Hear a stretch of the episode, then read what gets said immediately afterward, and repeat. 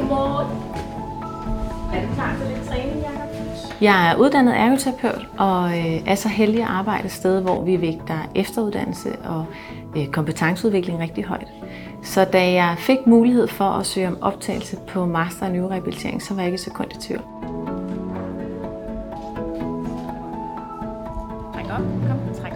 Jeg sidder i en stilling som ergoterapeut med specialefunktion og er med til at understøtte den faglige øh, udvikling i huset.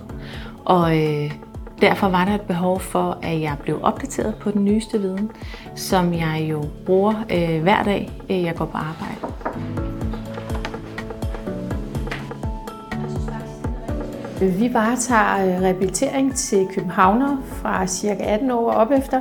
Vi arbejder evidensbaseret, og der kan man sige, der er man jo nødt til hele tiden at holde sig opdateret på ny viden. Det er Lotte øh, nu har fået den nyeste viden øh, i forbindelse med gennemførelsen af hendes master, øh, har betydet øh, rigtig meget for os også, fordi det har styrket vores fokus på det her område. Øh, så det er vi rigtig, rigtig glade for.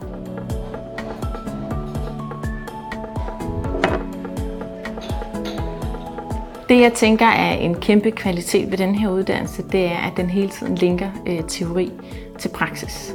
Og det betyder, at jeg ikke kun har øh, fået et større teoretisk fundament at stå på, men også øh, under uddannelsen er blevet skolet i at kunne anvende teori i min kliniske hverdag.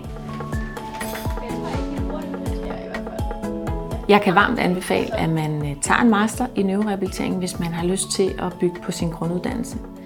Gennem masteruddannelsen vil man få uden en teoretisk forståelse omkring, hvordan vores hjerner fungerer og hvad der virker under neurorehabilitering, også komme med nogle konkrete redskaber, man kan bruge i sin kliniske praksis.